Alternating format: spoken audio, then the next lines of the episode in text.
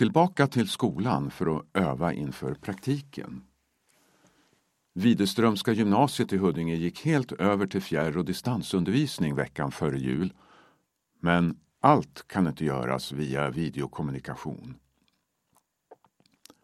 Det känns som konstgjord andning på något vis. Det är klart att det funkar. Lärarna är fantastiska på att få det här att fungera.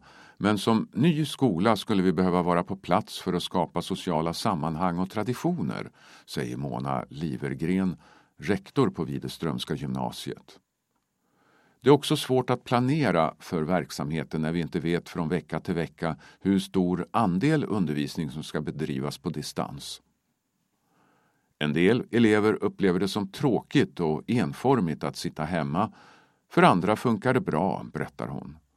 Det finns också uppgifter, främst praktiska moment, som inte kan genomföras på distans. Ett litet antal elever som har svårt att jobba hemifrån har fjärr och distansundervisning på skolan. De får hjälp av lärarstudenter från Södertörns högskola, säger Mona Livergren. Glade Kvarn-tjejen Josefin Serra är en av skolans cirka 300 elever. Hon går första året på vård och omsorgsprogrammet och tycker att det fungerar riktigt bra med fjärr och distansundervisning.